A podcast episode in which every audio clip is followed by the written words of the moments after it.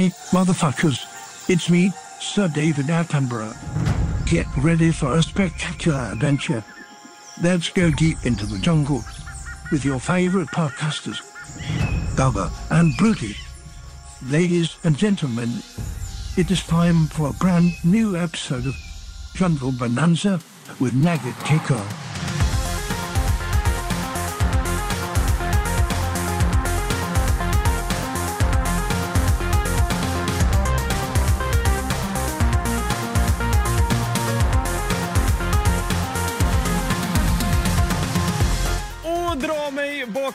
Säger jag bara. Brutti, är du där eller?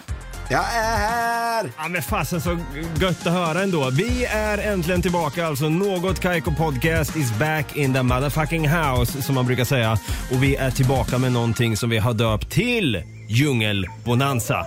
Och här i den här bonanzan kommer vi varje vecka slå på bongotrumman, springa iväg från stenklot, öppna skattkistor och undvika i största möjliga mån att bli lemlästade av vilda djur. Fan var det där? Det, nej men vad fan, det är lugnt där va? Det är lugnt. Ja, Men vad fan, jag hatar att vara i den här jävla djungeln. Det är så jävla äckligt alltså. Det är inte så farligt. Det finns inget dåligt väder, bara dåliga kläder som man brukar säga. Det finns ingen dålig djungel, bara dålig dava. Exakt så. Jag heter David, jag kallas då för Dava och på andra sidan i vanlig ordning och vad jag längtat efter det här. Där sitter han, min vapendragare och eh, co-anchor var jag nära på att säga nu men vi skrotar det. Och jag säger istället då Stefan Brutti, kung Tutti Holmberg. Vi kör såklart en applåd och en Liten, liten tuta på det! Och äntligen Brutti är vi tillbaka. Äntligen! Oh, vilken jävla bonanza det kommer bli. Ja, gud ja. Vi, jag kände, det känns som att vi behövde ett litet, en, en liten poddsemester skulle man kunna säga. Jag har hört från flera håll, bara, men kan du inte börja släppa lite avsnitt nu då?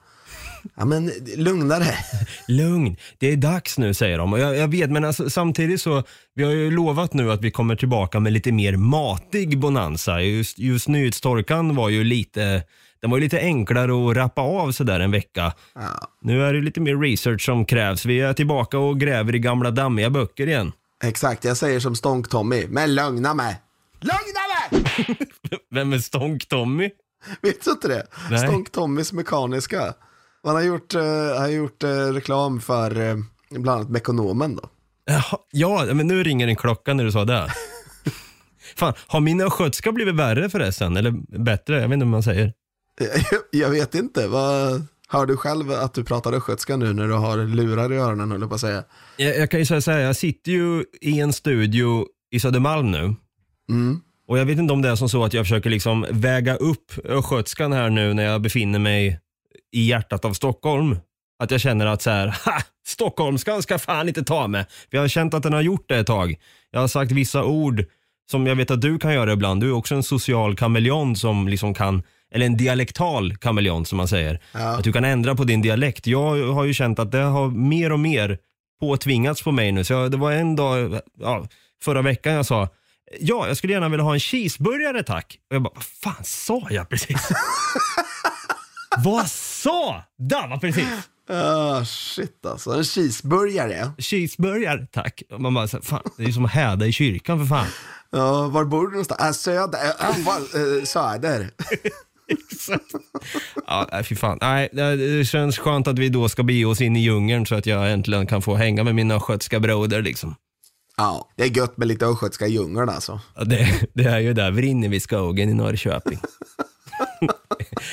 Nej, för att vara seriösa nu, nu ska vi då köra igång på riktigt med det första avsnittet i den här djungelbonanzan. Och ja, som jag sa tidigare här i introt så kommer vi eh, i de, de kommande avsnitten här macheta oss fram Precis. genom eh, palmer och, och ormbunkar. Leaner. lianer där med. Så jag tänker, without any further ado, så tycker jag att vi drar igång med höstens första djungelbonanza-avsnitt. Det gör vi rätt i. Jag har hatten och piskan med mig förresten. Ja, och jag har machete. Bra, då kör vi. Ja, vi ska då prata om en person här som vi har teasat lite om i trailern som vi slängde ut tidigare i oktober här. Vi ska prata om verklighetens Indiana Jones. Kanske den person som Indiana Jones egentligen är byggd på. Eller vad säger du Brutti? Ja men verkligen, och jag tror inte det är så många som känner till den här personen faktiskt. Nej, jag kan säga med en gång att det här var en person som jag verkligen inte läste om i skolan. Nej, och det är ju lite konstigt egentligen med tanke på vad han var för en person. Mm. Och vad han nu faktiskt upptäckte. Om man får spoila lite grann här, eller tisa. Mm. Vem ska vi prata om? Vi kör en trumvirvel på det. Hiram Bingham, Hiram Bingham ska vi prata om. den tredje. Den tredje ska tilläggas också. Mycket viktigt. Hans farfar var ju Hiram Bingham, hans pappa var Hiram Bingham den andra och han är Hiram Bingham den tredje. En av hans söner är Hiram Bingham den fjärde. Det är ju lite som en Indiana Jones-trilogi där, så kom Ja. det till en fjärde film också. Men det roliga med Indiana Jones det är att han är nummer två. Ja, just det. Han är ju Henry Jones Jr. Ja. Ja. Du ser, bara med namnet har de ju liksom så här, ja, man hör att de vill dra referenserna till Hiram Bingham här i alla Ja, fall. men de har väl till och med erkänt lite grann att det, att det är baserat, löst baserat på Hiram Bingham. Och Hiram Bingham, han var ju då en upptäckare och en historiker av rang ska tilläggas också. Han hade en himla passion för upptäcktsfärder och djungels, djungelexpeditioner. Och jag tänker nästan att för att vi ska kunna komma fram till vad han faktiskt åstadkom i livet så måste vi nog också lägga en liten matta med lite info och bakgrund på Hiram. Det tycker jag definitivt. Han eh, föddes 1875. Vi är nu, eh, det är nästan vilda västern här Brutti.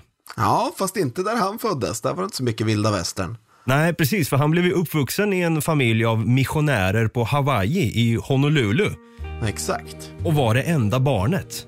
Ja. Ensamt kan jag tycka. Enda barnet på hela ön. Ja.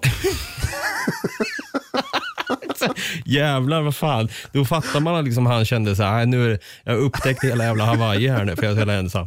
Jag drar vidare, upptäcker mer. Nej, för det var ju som så, eh, han var ensam barn då, precis det stämmer. Och hans pappa då, eh, jag sa missionärfamilj där. Hans pappa konverterade ju drottningen av Hawaii till kristendomen. Protestantismen. Precis. Heter Drog det. fram en pistol där och sa, går inte med skjut jag dig." eh, Pappan i sin tur då, Hirams pappa, hoppades på att Hiram en dag skulle åka till Kina när han blev äldre och göra samma sak då med kinesiska kejsaren och kejsarinnan. Men man fattar ju där att Hiram, han var inte så tagg på det. Han visst hade respekt för sina föräldrar och tron i sig. Men eh, ja, som tonåring så valde han att hitta på något annat istället. Han eh, törstade ju faktiskt väldigt mycket efter kunskap. Mm. Märker man ju väldigt mycket när man läser om honom. Som vi alla gör, eller? Ja, jag vet inte. Alltså, det är inte riktigt på samma sätt som han. Han började faktiskt med att plugga på Phillips Academy i Andover i Massachusetts. Och därifrån så tog han ju typ studenten då, det var en high school, så han tog ju studenten därifrån 1894.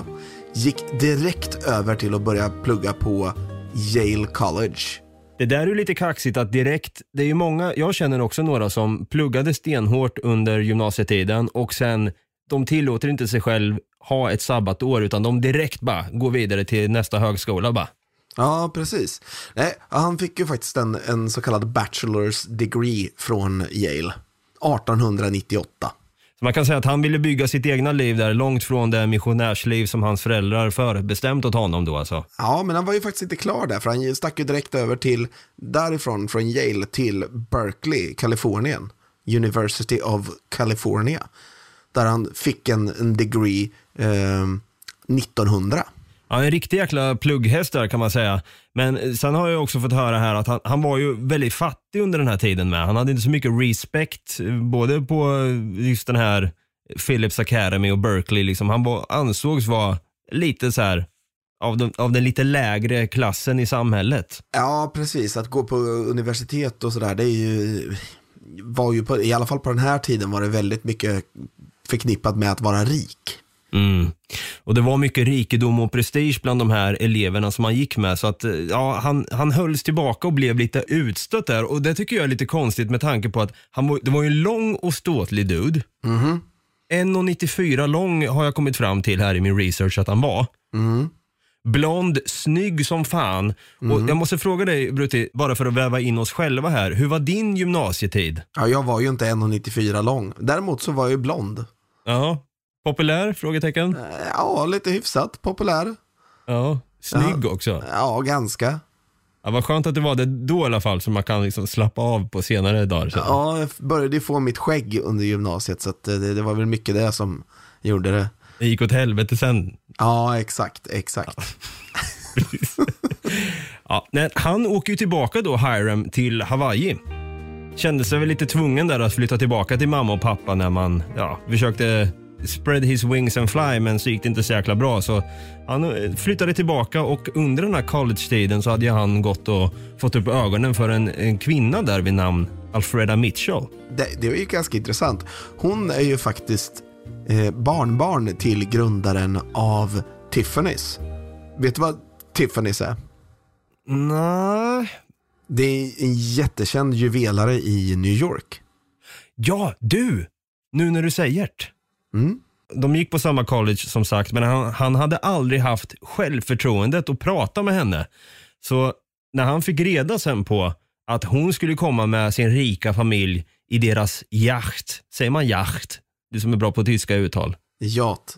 Yacht, säger man då ja. Eh, att de skulle anlända med deras yacht då, då till Honolulu så kände han så här, äh, jag tar, jag tar tillfället i akt här och springer ner och möter. Presenterade sig för hela familjen. Men, och det gick ju bra tydligen, det gick hem. Ja, de hade ju bra liv tillsammans. Fick sju söner där. Varav en utav dem heter ju faktiskt eh, Hiram Bingham den fjärde. Och en utav dem heter Charles Tiffany Bingham. Du ser. Fan. Va, va, jag känner vad pålästa vi kän, känns vara.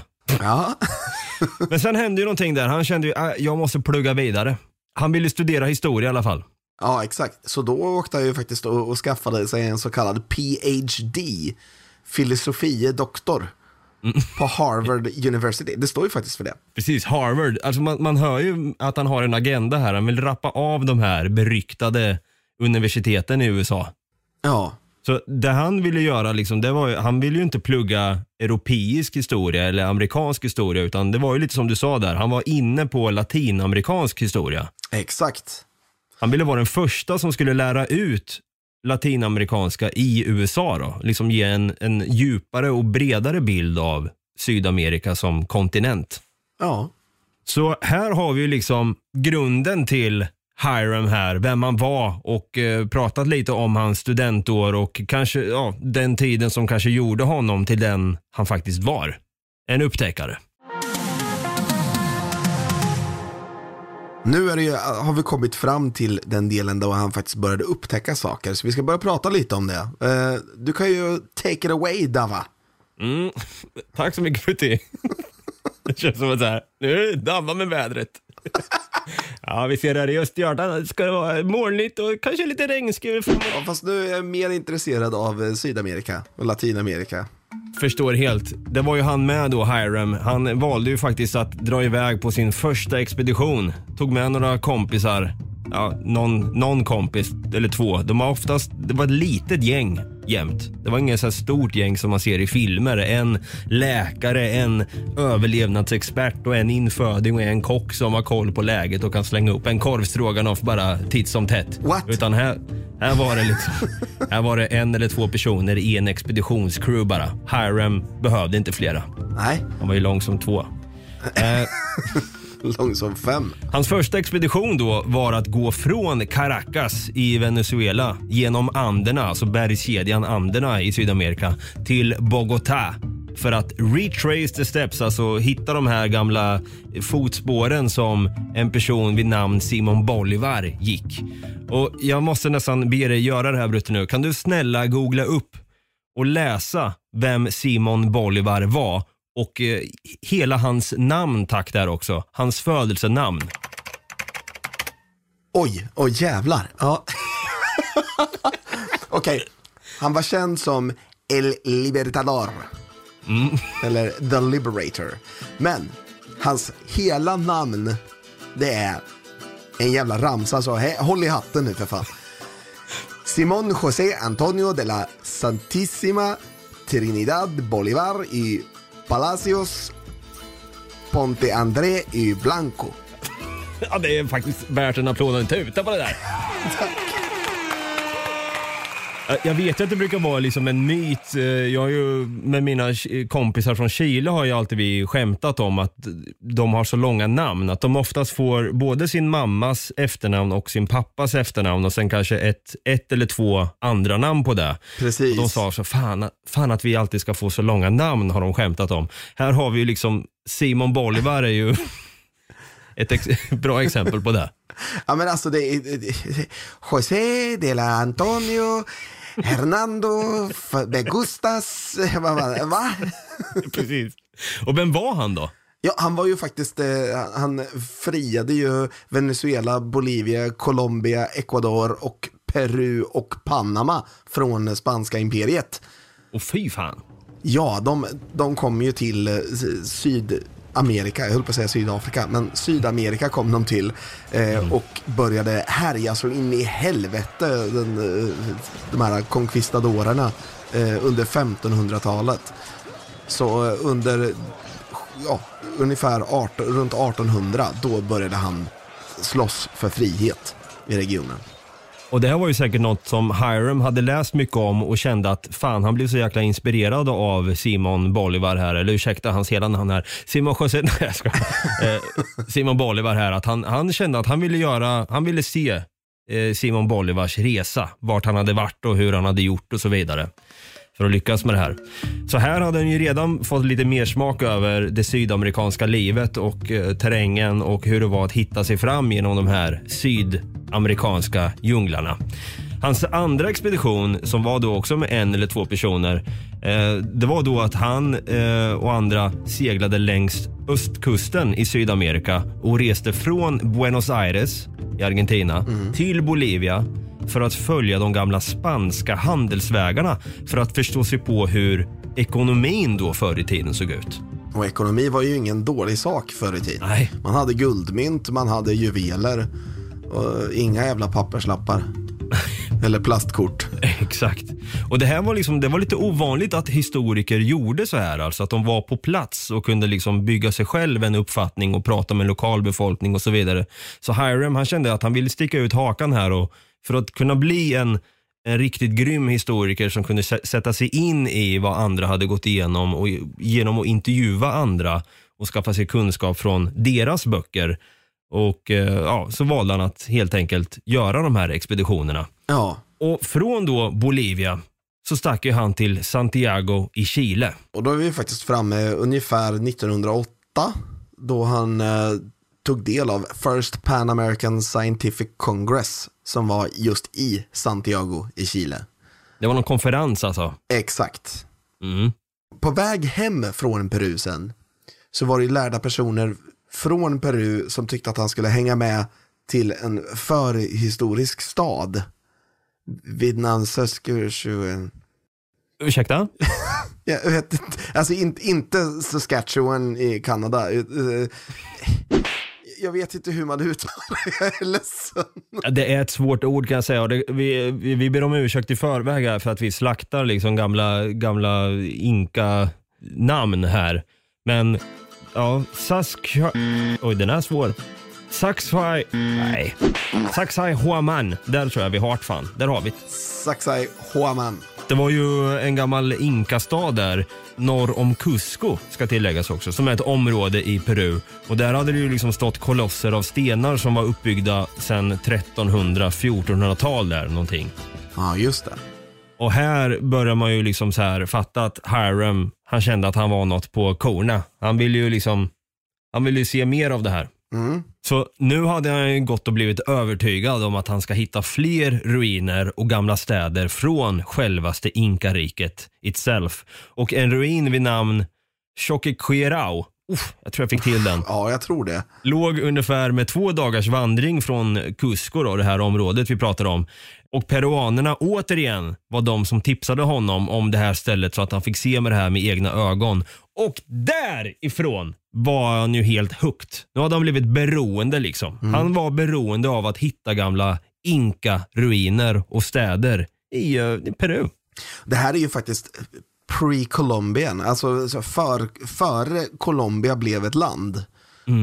På 1700-1800-talet då när, när Simon eh, Bolivar, när han friade då, så var ju hela, alla de länderna som jag rabblade upp, Venezuela och Peru och allt det här, var ju något som kallades för Gran Colombia. Just det. Så det, det stora Colombia. Och det, där, det är det man pratar om när man pratar om före Colombia. Okej, så Peru. Var ju en del av Gran Colombia. Ah, då är jag med. Då är jag med. Så peruanerna här då, de berättade ju för Hiram att den här staden Choquequirao var då Inkarikets sista stad. Men han var inte helt jäkla övertygad över det. Utan han kände så här, ja, Inkarikets sista stad säger de. Jag ska nog eh, researcha lite och se om det faktiskt stämmer. Ja. Vad gör han då Brutti? Jo, han sticker tillbaka till USA igen och dammar av gamla böcker, alltså blåser av gamla, gam, gamla böcker i ett bibliotek som man ser Gandalf gör bland annat i första Sagan om ringen-filmen. Jag brukar dra referenser till Gandalf där men det är en ikonisk scen när Gandalf säger att i have things to read about, eller vad fan säger jag? Jag till och med glömt bort det. Och så blåser han av då damm från böcker och ska få fram sanningen. Och man kan säga att Hiram gjorde lite samma grej här faktiskt. ja, men verkligen. Och sen efter det, det, det var ju på, han stack tillbaks till, till Yale faktiskt. Så stack han tillbaks eh, en gång till då, till Peru. Precis. Och hittade både städerna Vitcus och Vilcabamba. Vilcabamba. Och nu är vi i år 1911 här så det har hunnit gå två år som sagt. Exakt. Och de åker ju även tillbaka till Cusco. Men från Cusco där i området så väljer de att ta en annan riktning den här gången. Han hade läst som sagt lite i böckerna och sett lite hintar av lite vittnesmål där från eh, lokalbefolkningar sen tidigare som var dokumenterat i de här böckerna som han hade researchat i. Och så kände de så här, ja men fan, mer och mer pekar på att vi ska gå mot Urubamba-floden. Den här floden är ju en av de farligaste floderna att passera eller att ta sig över. Eh, och det här var ju lite, det var en utmaning för Hiram här. Först gå på ena sidan och sen så började de ta sig över till andra sidan. Och då var det ganska vilt vatten helt plötsligt och kurvigt och sådär. Och forsar. Så då behövde de bygga sig en bro. Med hjälp av lite stockar och plankor och grejer vad de nu hade tillgängligt i princip. Och eftersom han var ganska lång och hade ganska hög, eh, hög tyngdpunkt så var han tvungen att krypa över den här. Medan han, en av hans partner då som, som var med och utforskade det här, han kunde gå upprätt eh, över den här. Var ganska, han var ganska kort. Skitkaxig. Kanske hade liksom. lite bättre balans också, vad vet jag. Det är med.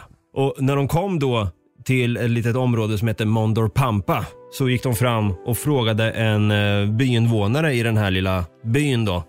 Eh, frågar honom, känner du till några ruiner här i närheten?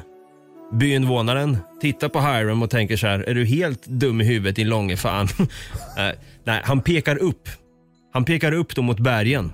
Och då fattar ju Hiram, shit, det finns en ruin som är i närheten här. Och den här, vad den här uh, lokalinvånaren, eh, lokala bonden, vad han gör då, jo, det är att han plockar fram sin fem sexåriga son och ställer honom framför Hiram och säger spring. som jag tror är dokumenterat ska ha hetat Pablito Ja, just det. skulle leda Hiram till den här ruinen i närheten då. Och enligt, enligt uppgift så hade ju, alltså när man bor i, i, i foten av Anderna och har, eller inte ens det, han bor ju ganska högt upp i Anderna till och med. Så har de ju en lite annan atmosfär och lite annan luft. Vilket betyder att du har ett, lättare att andas, det, det är mycket lättare att springa och sådär. Så han har ju mycket lättare upp för berget, den här 5-6-åriga pojken. De andra, de flåsar så in i helvete. ja. Hiram är hack i häl och liksom Pablito vänder sig om bara Master, are you coming? Eller man skulle kunna säga att det var eh, lite så här eh, Perus svar på Gollum liksom. Master! Men jag kan inte göra rösten. Master, master. this was, this was. Oh, shit. Så ja, hack i häl på Pablito så gott de kunde i alla fall. Och sen ja, tar de en liten sväng där upp på berget och kommer upp till en klippa. Har mycket stenar och vegetation här och klättrar upp för den här lilla klippan och eh, Bingham tar sig upp med nöd och näppe här då. Det- Svetten rinner bara. Han är helt slutkörd den här 1,94 långe mannen från... Han har alltså tagit ett steg upp. Så lång är han. Exakt.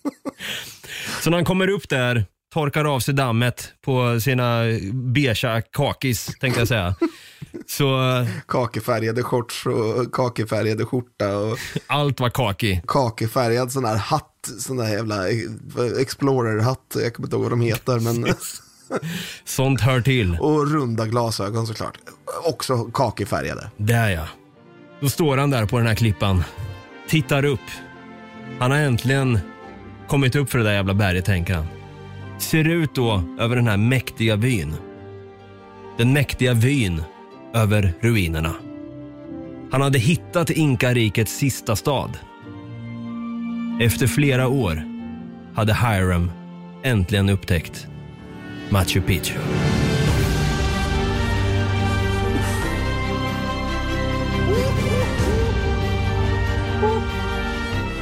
Du, d- d- där fick jag fan till det va? Ja, det tycker jag definitivt det fick.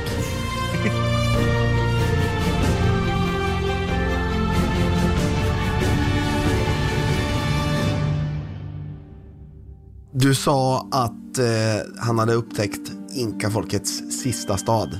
Mhm. Och det stämmer ju faktiskt inte. Nej men fan. Utan senare, senare upptäckter så har eh, en snubbe vid, vid namn Vince Lee kommit fram till och eh, faktiskt genom sin research bevisat att det är Vilcabamba som faktiskt var Inkas sista huvudstad.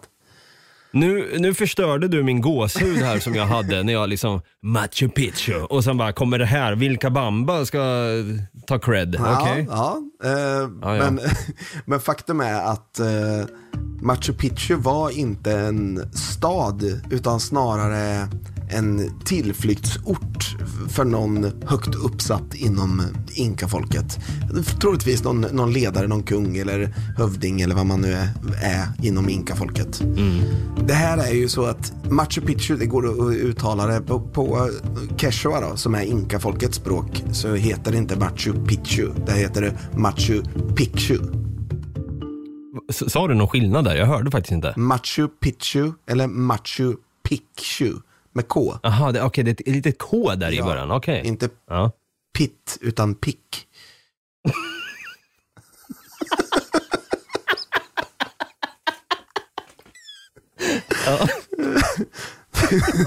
Inte Brad Pitt utan Brad Pick. Ja, sorry, det var jävligt roligt sagt. Fortsätt. Men det, det är en ganska sjuk eh, uppbyggnad det här också. För att när man, när man ser på den, som sagt, ingen cement har de ju använt när de har byggt den här staden. Nej. Alltså det här området, hela västkusten på eh, Nordamerika och Sydamerika ligger ju mellan två stycken tektonplattor. Det vill säga att marken rör sig och det blir jordbävningar där. Och man kan ju tänka så här, ja okej, om de inte hade någon cement ens, hur fan får de staden att stå kvar flera hundra år senare? Det är exakt det jag tänker med. Alltså, vad fan, det, byggde de bättre förr? Eller det är ju lite grann som när vi pratade om pyramiderna där i konspirationsbonanza, när vi hade Smile med oss. Bättre och bättre, det vet jag inte. Alltså det är ja och nej. vi har ju lite bättre tätat idag, vi behöver inte frysa. Nej, det är sant. Men däremot, just när det gäller jordbävningar, då, de här blocken som de här husen och det är uppbyggda utav, de är så perfekta att du inte kan få in ett rakblad emellan. Åh fy fan. Det här är gjort med, med verktyg av sten dessutom. Det, är inte ens, det är inte ens något järn inblandat i, i det här, eller stål eller någonting. Utan det, de hade inte det, utan de hade stenverktyg att, hugg, att hugga med. Och de högg ut perfekta block av sten som när det blir en jordbävning så studsar de. Aha. Men de lägger sig rätt igen för att de är så perfekta. Men alltså har man, det, bara det är ju stört. Mm. Det är ju helt jäkla sjukt. Det hade ju verkligen inte liksom, en gammal sekelskiftslägenhet i Stockholm hade ju rasat direkt. Ja, ja. Oh ja. Men eh, Machu Picchu står kvar. Bara det tycker jag är så jäkla sjukt. Ja, det är ju assjukt. Har man någon dokumentation på när Machu Picchu faktiskt byggdes? Ja, man tror, alltså man, man, det är svårt att säga exakt vilket år, men troligtvis så började man bygga runt 1438. Det, det är vad man tror. Och det är alltså då att man gjorde den här som en tillflyktsort för Inka-kejsaren Pachacuti. Eller Pachacuti eller Pachasutti. Jag vet inte hur man uttalar det exakt, men det är ju ett quechua-ord också, eller ett quechua-namn. Den blev klar ungefär cirka ni- 1450 och man flydde från den här staden och bara lämnade den åt sitt öde 1572. Ja, På grund av de här conquistadorerna eller? Exakt. Spanjorerna. Men conquistadorerna, enligt uppgift, hittade aldrig den här staden. Nej. Och anledningen till att man, man fattade att det här inte har hittats utav just eh, spanska conquistadorerna, det är för att de, det finns någonting som heter Intihuatana. Inte Watana, inte här. Inte, inte Huatana alltså. Nej, men Intihuatana är en, antingen, man, man vet inte exakt eh, vad det är, men man tror att det är eh, antingen ett solur eller en slags kalender. Och det är egentligen en stor stenhög som har en stenhög och stenhög. Den är urhuggen ur berget liksom. Så det är en stor sten bara. Ja, du, det där har jag faktiskt eh, hört talas om och jag har sett det själv. Alltså inte själv med egna ögon, jag har bara sett tråkiga bilder tänkte jag säga. Det är sjukt vackra bilder på Machu Picchu. Ja. Men jag har faktiskt en polare som har varit i eh, Machu Picchu, eller på Machu Picchu. Och hon berättade liksom att det är nästan alla borde göra den resan, åka dit. Nu har vi tyvärr en pandemi som står lite och, och skaver där och i, i vägen, men annars så tycker jag, jag har det som mål att någon gång i alla fall åka till Machu Picchu och se det här själv. Ja. Det där och, och kunna se den här Intihuatana. Vet du vad det är ännu mer sjuka med den här stenen är? Nej. Det är att inka-folket byggde den inte. Nej. Den har stått på den här platsen i cirka 12 000 år. Den är alltså äldre än pyramiderna. Oh my god! Den slår pyramiden med flera tusen år. Åh herregud. Så du menar alltså att inkafolket, de, de vill inte liksom fucka upp här utan de tänker så här, okej nu bygger vi runt det här. Det här är heligt. Ja. Eh, Det här rör vi fan i mig inte. Lite så. Jag menar inkafolket, eh, de har gjort så här alltså, flera gånger. Att de har byggt hus på husgrunder som redan fanns. Jätte, alltså förhistoriska saker som är daterade flera tusen år tillbaka. Och sen så bara kommer de där på 14-1500-talet och bara, ja men, fan det står typ ett halvt hus här. Fan jag bygger på det. Jag kan tänka mig att eh, ma- alltså Machu Picchu, när Hiram då lägger, lägger ögonen på Machu Picchu, han återupptäcker ju Machu Picchu kan man säga. Mm, Och gör det känt för gemene man idag. exakt. Det är mycket Hiram vi har att tacka för att Machu Picchu har gått och blivit en, en, ett turistmål i Peru. Ja, exakt. Eh, och att folk känner till det. Och, eh, jag tycker nästan att eh, Hiram förtjänar mer cred. Han har säkert skitmycket cred, men jag tycker det var därför vi, vi ville göra lite ett avsnitt om Hiram och om Machu Picchu. Bara för att kunna, ja, han har lagt en jävla grund i historien i alla fall. Han har ju återupptäckt ett av de moderna sju underverken. Ska vi avsluta med en applåd och en tuta till Hiram Bingham och självaste Machu Picchu? Ja, men det tycker jag.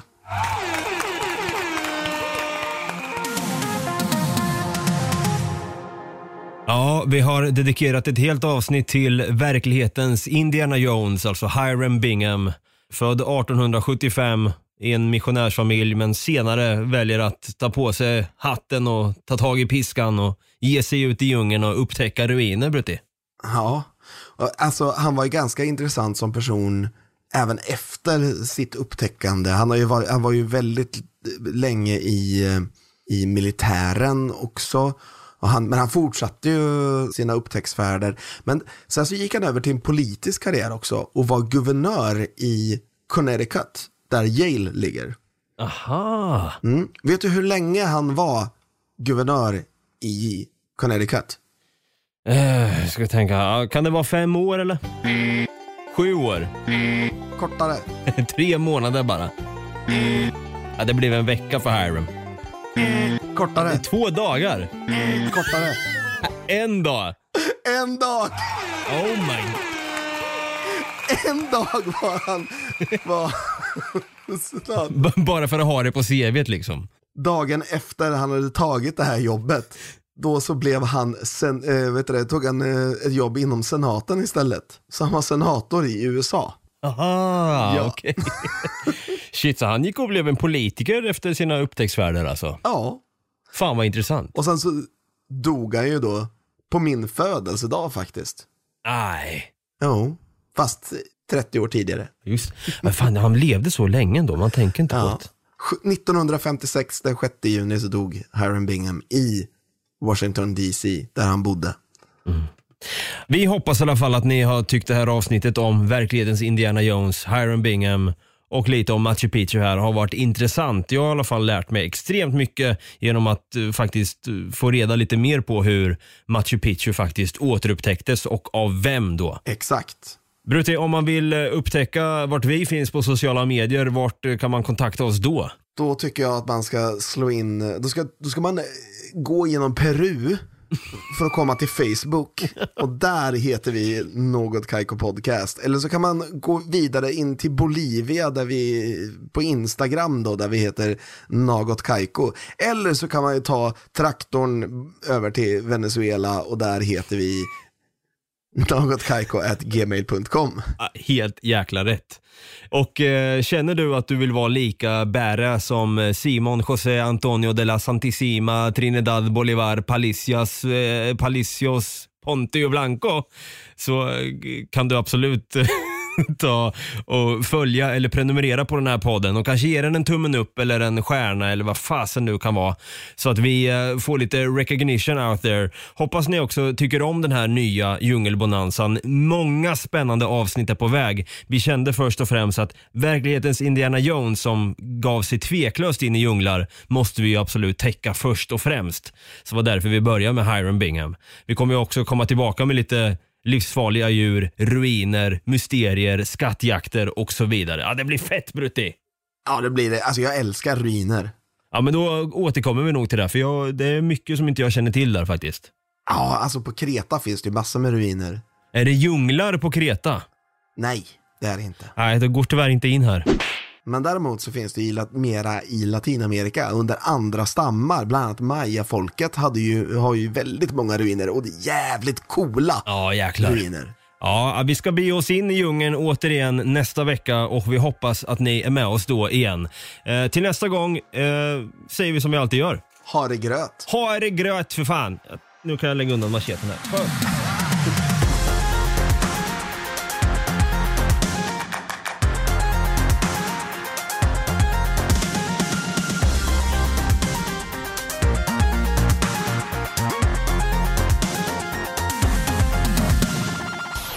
Produceras av I Like Radio. I like radio. Hej! Är du en av dem som tycker om att dela saker med andra? Då kommer dina öron att gilla det här. Hos Telenor kan man dela mobilabonnemang. Ju fler ni är, desto billigare blir det. Skaffa Telenor familj med upp till sju extra användare. Välkommen till någon av Telenors butiker eller telenor.se.